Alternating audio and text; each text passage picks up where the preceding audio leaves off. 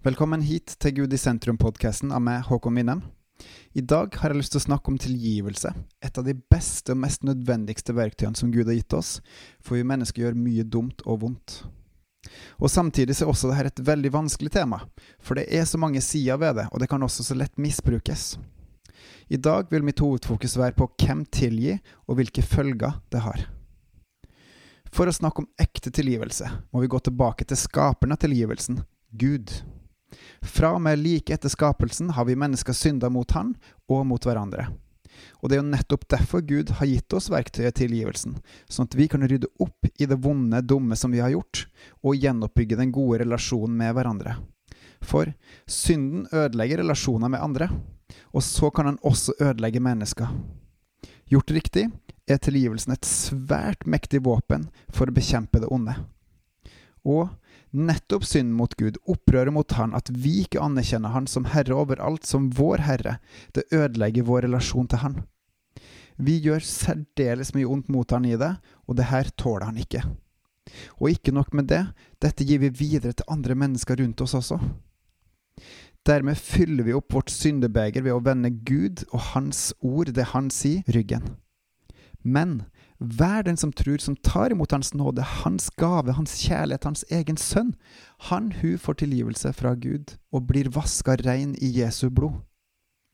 Hvilken nåde, hvilken oppofrende kjærlighet!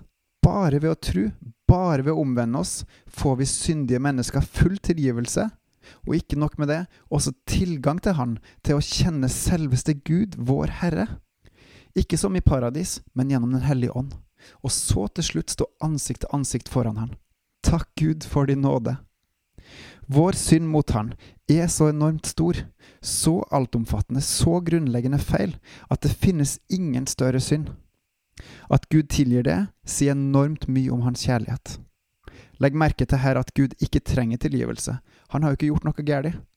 Han trenger dog gjenopprettelse, at den andre parten, vi, bekjenner synden vår direkte overfor han, og så er det vi som trenger tilgivelsen. Og den får vi kun hvis vi omvender oss, og så følger han. Omvendelsen må jo føre til endra praksis, hvis ikke har man jo ikke omvendt seg.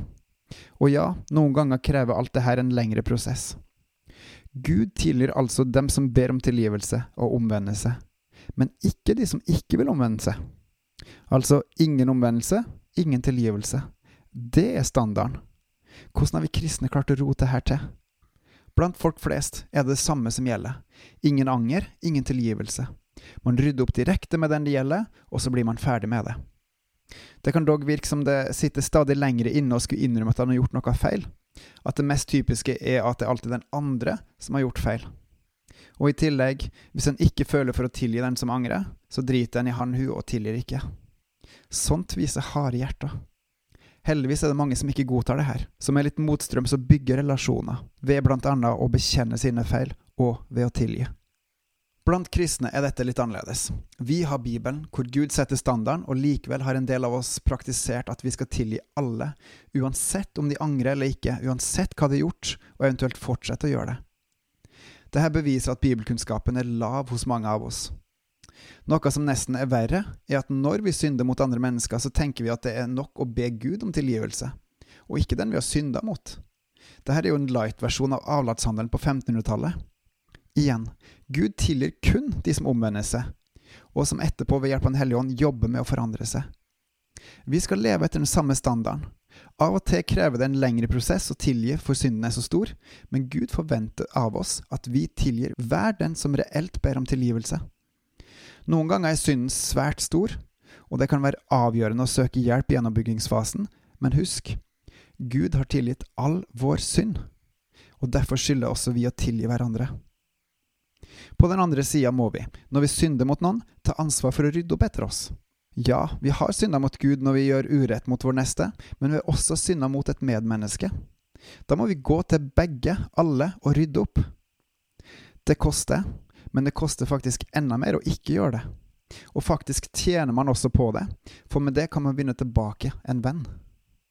I våre sjølsentrerte liv er vi opptatt av våre rettigheter og behov, med lite fokus på andres eller kollektivets beste, og det her er også vanlig blant kristne. Dermed begrenser vi kristne Guds rike. For Hans rike består av kjærlighet, glede, frihet, fred, sannhet, fellesskap, godhet, rettferdighet, nåde, livsvisdom og alt annet godt. Synd ødelegger alt det her. Synd ødelegger relasjoner som er prega av det her. Med synden får vi sårbare, svake, ensomme hjerter, mennesker, som ikke kan og vil tjene hverandre, som står alene i mørket og ikke våger å slippe andre inn på seg.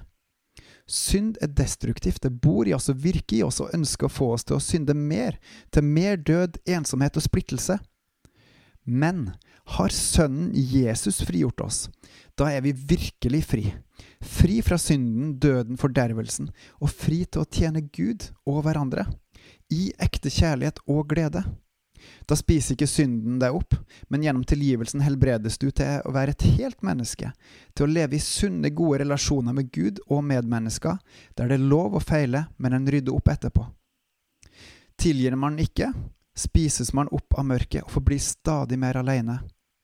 Tilgir man, slipper man lyset inn og blir fri, virkelig fri. Og husk hvem som er selve lyset, Jesus. Med Han i hjertet blir du helt fri til et evig liv med Han, til å kjenne Han og Hans veldige kraft, til å ha Han med deg i ditt hjerte uansett hvor det går. En person som virker å ha blitt sånn satt fri i det siste, er Kanye West og familien hans. Først satt fri, og nå jobber Den hellige ånd i dem med å skape et nytt hjerte, en helt ny lengsel etter å leve for Han og bygge Hans rike. Fri. Kun den som har tatt imot trua som et lite barn, er blitt satt fri. Denne friheten må vernes og bygges, for andre vil stjele den fra oss. Tilgi, sånn at vi ikke blir fanga av mørket.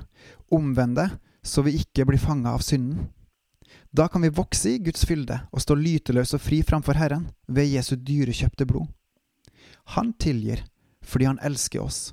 Vi likedan. Elsk. På gjensyn.